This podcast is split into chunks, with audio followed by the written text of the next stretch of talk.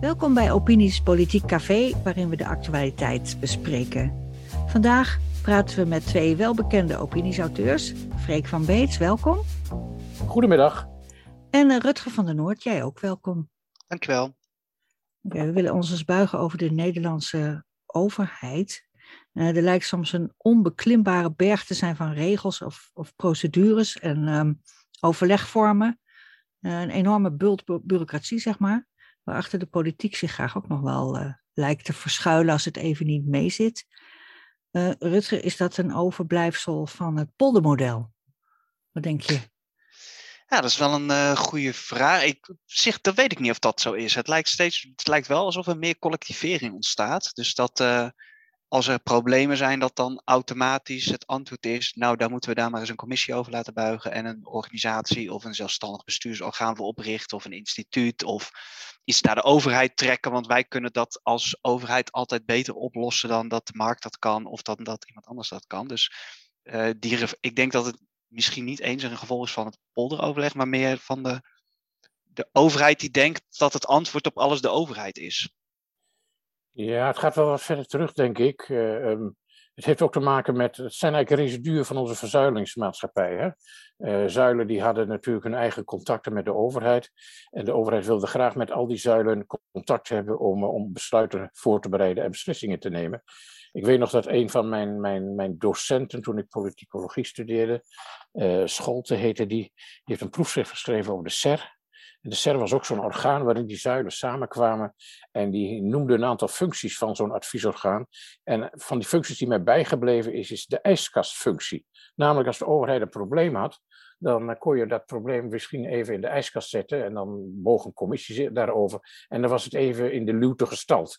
En dat, uh, dat zie je dus ook veel. Heel veel commissies en, en organisaties en adviesorganen die, uh, die als het ware een soort als een doekje voor het bloed, of hoe noem je dat, om, om, om besluiten even uit te stellen in de hoop dat misschien de urgentie daarvan verdwijnt, om die daar dan even te stallen. Dan is het eventjes weg van uit de actualiteit, zal ik maar zeggen.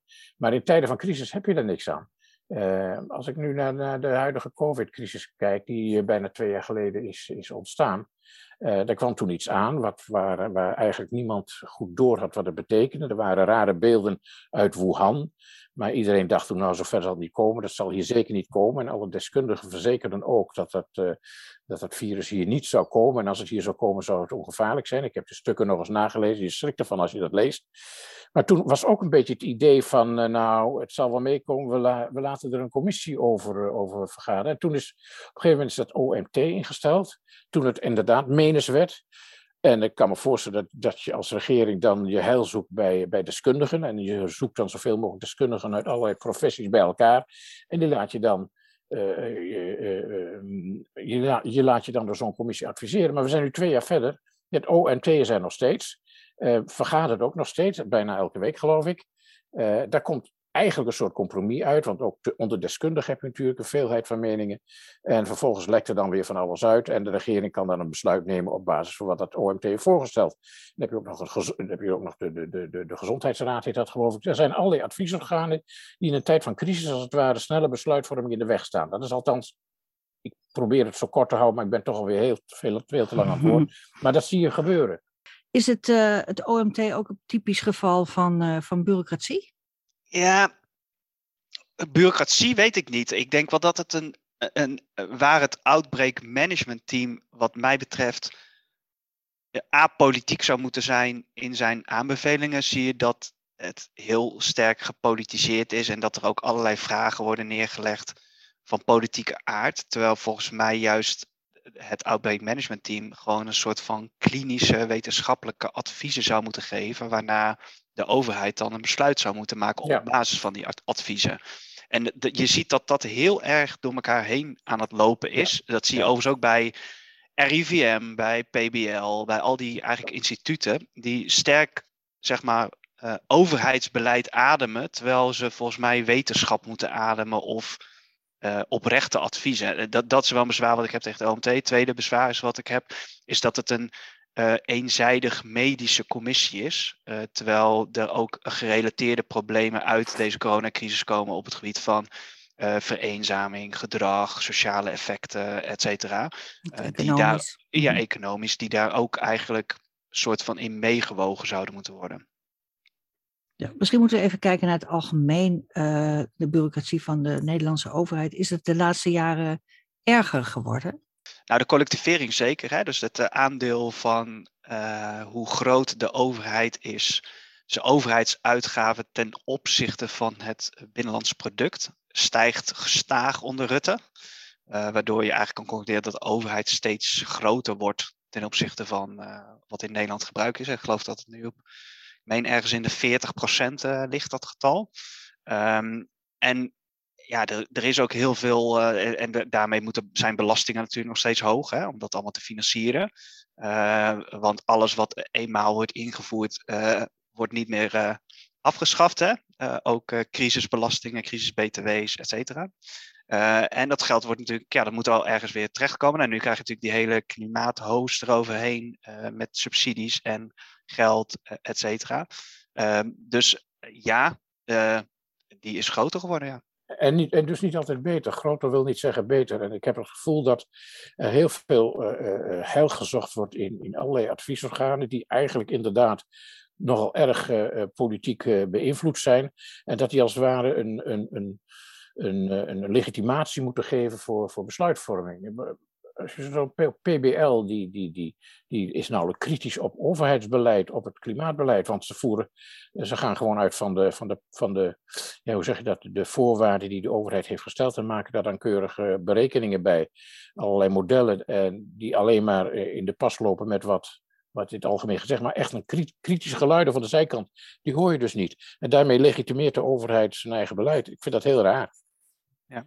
Advies, adviezen moeten toch ook uh, uh, andere meningen kunnen laten horen, zodat de politiek besluiten kan nemen. Wat als je naar, zeg maar, ik heb ooit les gehad van een informatiemanagement professor in Groningen. En die maakte altijd het verschil tussen data als laag, informatie als laag die bovenop die data zit, die allerlei datapunten aan elkaar verbindt, en daarboven overheen kennis. Hè? Dus je hebt dan kennis, informatie en data. Wat instituten volgens mij zouden moeten doen, is al die data ophalen door middel van metingen, door middel van uh, kennisvergaring. En daar een soort saus overheen zouden moeten liggen, waarin ze die datapunten hapklaar aan gaan bieden uh, aan de overheid, aan de politiek, om op basis daarvan uh, de politiek de mogelijkheid geven om allerlei beleidsdossiers met elkaar te integreren en tot een conclusie te komen. Wat je nu erg ziet, is dat die laag van kennis, die eigenlijk door de overheid of door een departement zou moeten worden gedaan, en dat, dat zwaluwstaten van al die beleidsthema's in elkaar plus een politieke saus eroverheen, wordt vaak al gedaan door een instituut waarmee je eigenlijk bijna in de, als je zo'n rapport leest, lees je gewoon een nou, je kan er bijna een politieke kleur aan toekennen vaak. Mhm. en, en ook allerlei meningen die, eh, die er helemaal niet toe doen. Hè, van, oh, om de klimaatverandering te weer counteren, moeten we dit en dit en dit doen. Nou, dat is helemaal niet aan het PBL om, uh, om iets te vinden over klimaatverandering. Het is gewoon, geef nou aan wat zijn de lijnen? Wat, zijn, uh, wat is de opwarming? Wat is de daadwerkelijke zeespiegelstijging rond de Nederlandse kust? Hoe zitten we met rivierwater? Uh, wat betekent dat uh, voor, als we dat doortrekken, die stijging, voor misschien bruggen?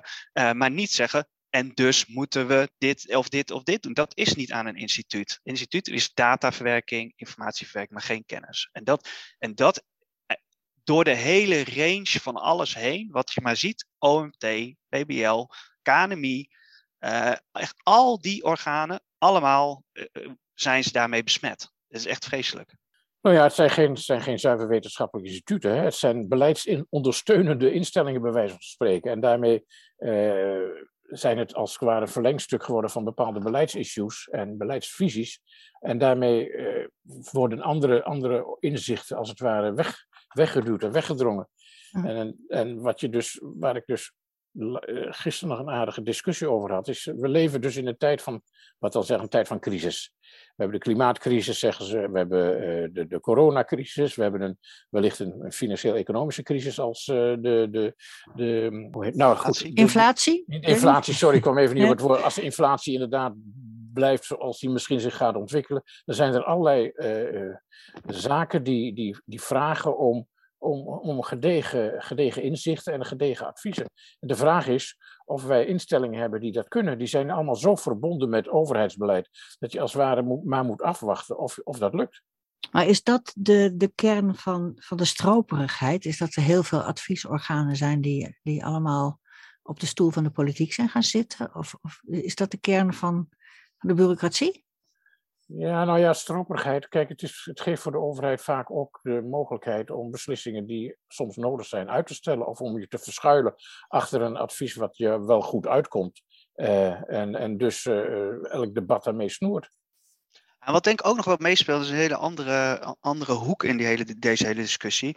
Is dat, en, en dat heb ik volgens mij al vaker gezegd, is dat heel veel thema's die wij nu behandelen in de politiek allemaal best wel ophangen aan internationale wet en regelgeving vanuit de EU, eh, dan wel vanuit andere VN-achtige instanties. Mhm. En dat daarmee het uh, zeg maar bureaucratische speelveld om besluiten te nemen steeds verder wordt ingekaderd.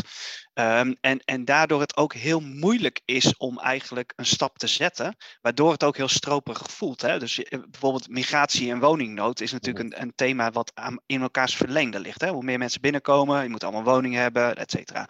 Dus bestaande mensen moeten ook een woning hebben. Nou, we kunnen niet woningen bouwen omdat de PFAS en stikstof er weer zit. Uh, dat zit weer, hangt weer aan natuurbeleid vast. Natuurbeleid hangt weer aan klimaat vast. Uh, en zo hangt alles aan elkaar en kaderen we onszelf helemaal vast op een hele kleine postzegel waar we geen besluit. Nou, daar overheen komen dan, hè, naar Freeks punt, allerlei adviesorganen die weer op die postzegel weer allemaal hun visie geven, plus lobbyclubs, plus activisten, mhm. die, eh, waardoor een overheid eigenlijk eh, eh, totaal niet meer kan bewegen zonder eh, één of meerdere groepen tegen de haren in te strijken. Waarna er dus weer rechtszaken ontstaan, zoals de agenda en, dat allemaal.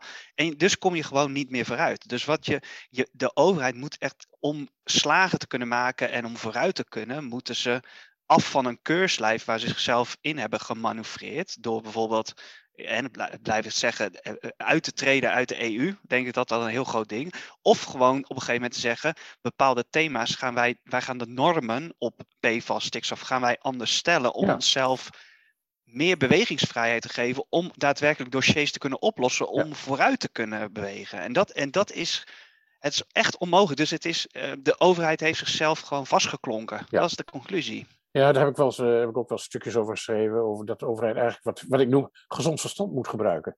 Uh, als je merkt dat bepaalde ontwikkelingen haak staan op wat je eigenlijk zou willen doen, en, die worden, en wat je zou willen doen wordt belemmerd door verdragen die je ooit hebt gesloten, of overeenkomsten die je ooit hebt gesloten, of normen die je ooit hebt vastgesteld. De tijd voort, kunnen hele nieuwe inzichten komen die ertoe kunnen leiden dat je die verdragen, die inzichten, die normen nog eens een keer tegen het licht houdt. En dat gebeurt dus niet. Nee. En dan kom je op hele rare dingen uit. Hè? Die toeslagenaffaire, daar kan je natuurlijk ook boeken over volschrijven, is ook gebeurd. Hè?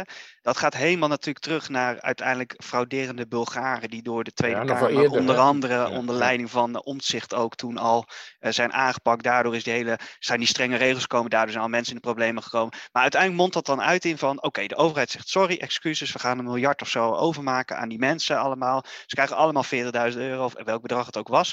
En er zijn dan zoveel duizend adressen die dan dat geld moeten krijgen. Alleen de overheid in zijn debiliteit slaagt er niet in om dat geld bij die mensen te krijgen voor 1 mei was het geloof ik of zo. Mhm. Terwijl als je daarover nadenkt, inderdaad met gezond verstand, dan zou je zeggen, één, je hebt die mensen, heb je allemaal dus blijkbaar op een lijstje staan. Twee, bijbehorende uh, IBAN-nummers heb je waarschijnlijk ook wel. Want, want die maken geld aan jou over en jij maakt er geld aan over. Dus hoe moeilijk kan het zijn om geld over te maken? Het is gewoon, uiteindelijk is het, maar dan zeggen ze ja, maar als we dat overmaken, gaan daar weer allemaal afschrijvingen komen voor andere posten. En dan zit die er weer achteraan en dan zit die er weer achteraan. En er zit, alles is aan elkaar gelinkt. Er is geen, geen brei meer. Het, is, het totale brei is het geworden van allerlei toeslagen en aftrekposten en uh, weet ik het allemaal. Maar de, iemand moet daar gewoon een keer met de spreekwoordelijke bulldozer overheen. Om gewoon alles even helemaal weer strak te trekken. En even gaan zitten van, hé hey mm. jongens. Maar dat is het van, van wat jullie nu zeggen. Waarom zegt de overheid dat zelf eigenlijk niet? Want dat moeten ze toch ook aan de lijve onder, uh, ondervinden. Dat het vastgelopen is. Dat, het, dat je er niet doorheen komt. Dat de dingen misgaan. Ja, alles ligt vast in regels. Hè? Het is allemaal gejuridicificeerd, zeg ik dan altijd. Uh, alle, alle overheidsbeleid berust op wetgeving, of op regelgeving. En die regels schrijven bepaalde handelingen voor of bepaalde onthouding van bepaalde handelingen. En daardoor loopt alles vast. En Zijn er te veel? Te veel ja, regels? veel te veel. Kijk, eh, Rutte geeft het voorbeeld van de toeslagenaffaire, maar je zou ook de aardbevingsschade in Groningen kunnen, eh, kunnen nemen. Om hoeveel huizen gaat het eigenlijk? Hoeveel woningen? Tienduizenden, Ja. misschien honderdduizend. 10.000, ja. ja. Hoeveel moeite kost het om gewoon die huizen, om- gewoon een bepaald bedrag vast te stellen? Hup, en daar, daar doe je het mee. Klaar. Nou ja, maar soms denk ik ook van dat, dat ze zo mee zijn gezogen in die denktrand. En de mensen die daar natuurlijk zitten, die zijn, dat zijn vaak politici die hun hele leven daar hebben gezeten. Dat dat voor hen heel logisch is om, om, om zo mee te lopen. En dan op een gegeven moment in een bestuursorgaan bovenin te zitten. En dan dus maar adviezen te gaan geven en dit en dat. Dat ze nooit meer helikopteren en nooit meer denken, hé, waar zijn we nou eigenlijk mee bezig? ja. Het is gewoon, het is bijna omdat het zo beroepspolitici in elkaar zit, dat ze denken, ja, dat hoort gewoon zo en wij, ja, wij doen dat gewoon. En stel dat we wel enorm veel visie zouden hebben om eh, dingen voor elkaar te krijgen, dat kan toch niet, want we hangen aan dit vast en we hangen aan dat vast. Ja. Dus het ontneemt ook iedere levensvreugde bij die mensen of iedere ambitie om maar, maar creatief te zijn. Zeg maar, dus Ja, de- eh, Volgens mij ligt alles veel te veel vast in regels. En we zijn ook bang om regels te overtreden, omdat we bang zijn door de rechter te worden teruggefloten of door een actiegroep die zich tot de rechter wendt. En daarmee ketent de overheid zichzelf vast en onthoudt het zichzelf de manoeuvreerruimte die het nodig heeft. Ik heb voor de aardigheid eens gekeken naar het organogram van het ministerie van Volksgezondheid. Vroeger in mijn tijd toen ik nog jong was, zaten daar medici in de top. Het zijn allemaal bestuursjuristen. En daarmee is al heel veel gezegd. Alles wordt bestuurlijk juridisch vastgeketend. En daarmee ontneem je heel veel creativiteit en mogelijkheden om in te spelen op nieuwe ontwikkelingen. En inderdaad de regels aan te passen. Want het is zo moeilijk om regels aan te passen. Als je regels kunt maken, kun je ze aanpassen. En wat ook bijvoorbeeld op de hele coronacrisis, hè, welke discussie je ook voert over corona, het uiteindelijke antwoord is altijd: het IC-capaciteit moet uitgebreid worden. Want als dat is opgelost, dat is eigenlijk een soort van eh, de, de- het oerprobleem wat onder alle maatregelen. Stel dat wij vijf keer zoveel IC-capaciteit, nou dan zou de, zou de eh, maatschappij zo open kunnen. Dan is dat die hele tweedeling op vaccineren en onvaccineren is dan ook niet zo, of hoeft niet zo op de spits te worden gedreven en alles.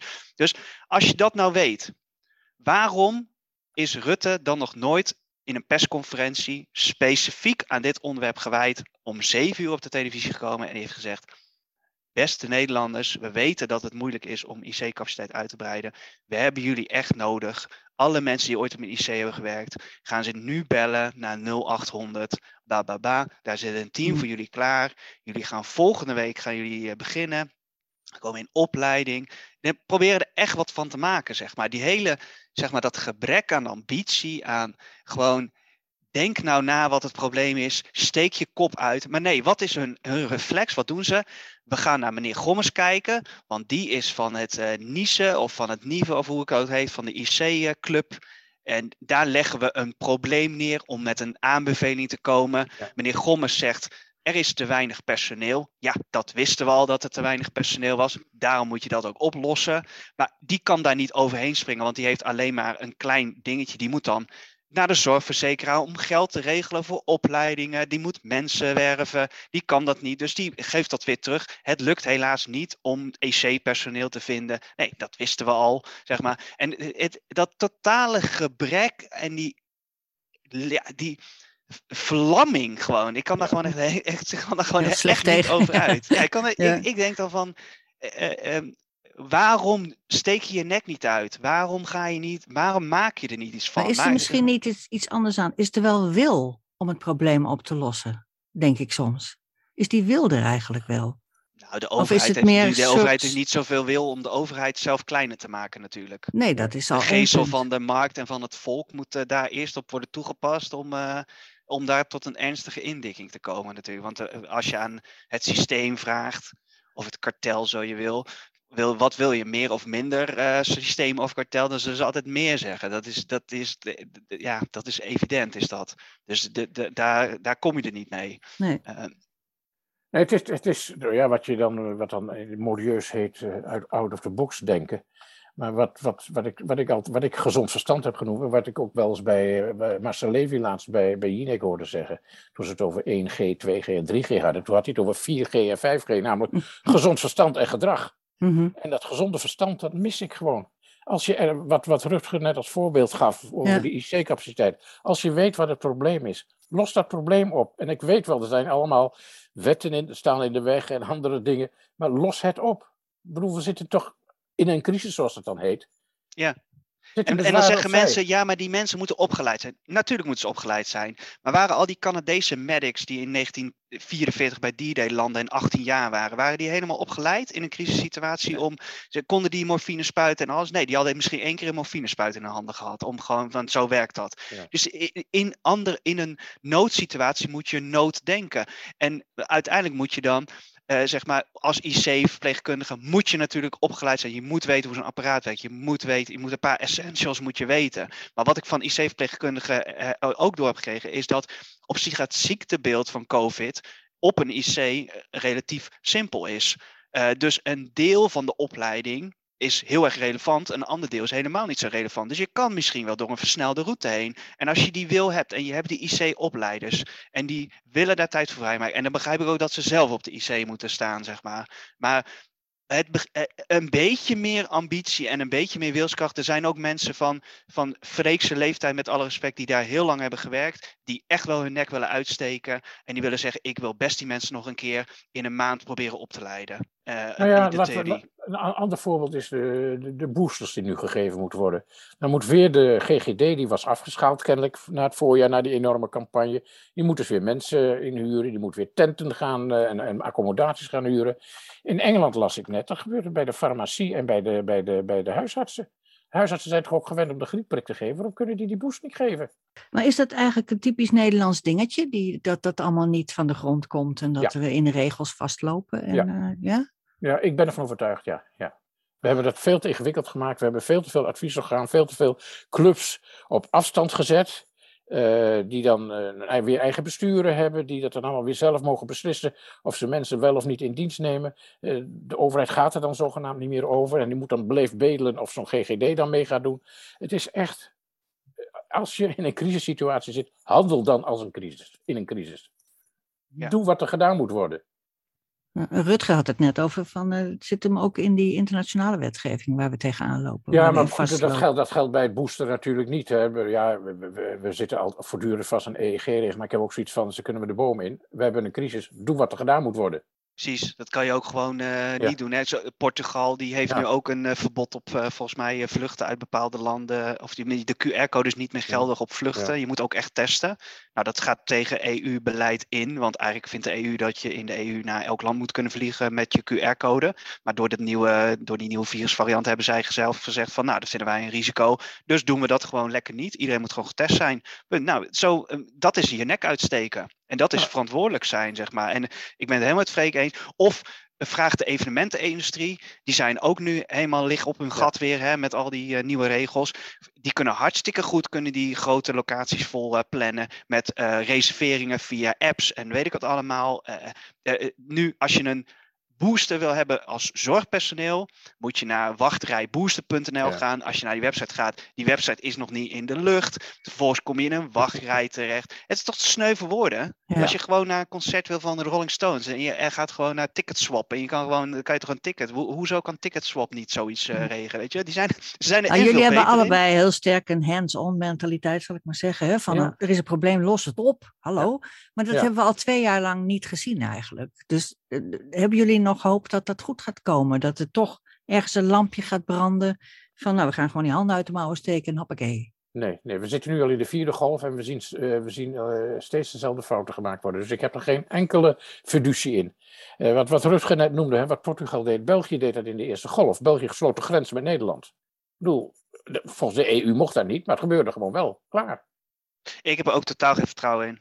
Het zit, zit in het is totale verlamming, eh, door, onkunde, incompetentie. Er zitten, gewoon, er zitten gewoon geen mensen die gewoon... Zoals een Marcel Levy ook. Ik, ah, als ik Rutte was, had ik toch al lang Hugo op de trein gezet naar buiten. En gewoon... eh, zeg ja, maar, ik, ik, ik heb niet de illusie dat als, misschien dat hij meer kan doen dan Hugo. Maar het is het systeem achter. Kijk, een minister Hm. in zijn eentje, die heeft een departement achter zich. Met allemaal ambtenaren die gaan zeggen, dit kan wel, dit kan niet. En we hebben de wet zus en de wet zo. En je kunt wel willen, maar dat mag niet. En dan, eh, we zijn te Er zitten te veel wetten en bezwaren in de weg.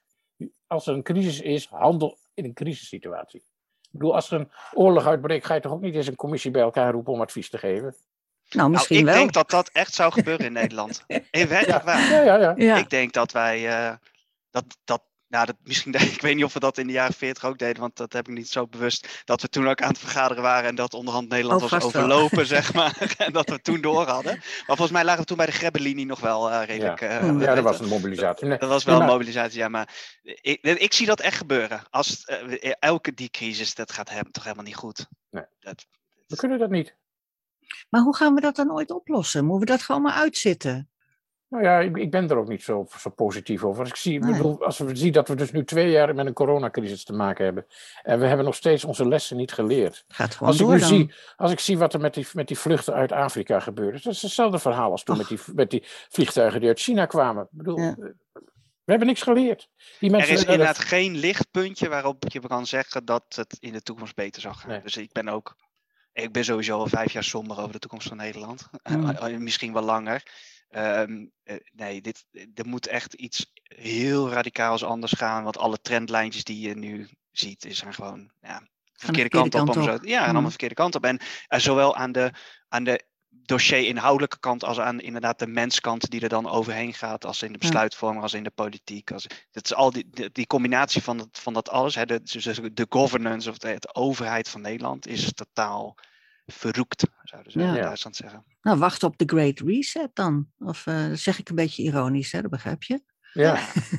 Nee, maar dat in, in, eh, in a way, zeg maar, zou, zou de Great Reset heel goed zijn. Alleen dan niet in de zin hoe zij dat bedoelen, maar eh, in de zin van eh, hoe eh, dat er echt een reset moet plaatsvinden op heel veel zaken. Dat eh, is evident, ja.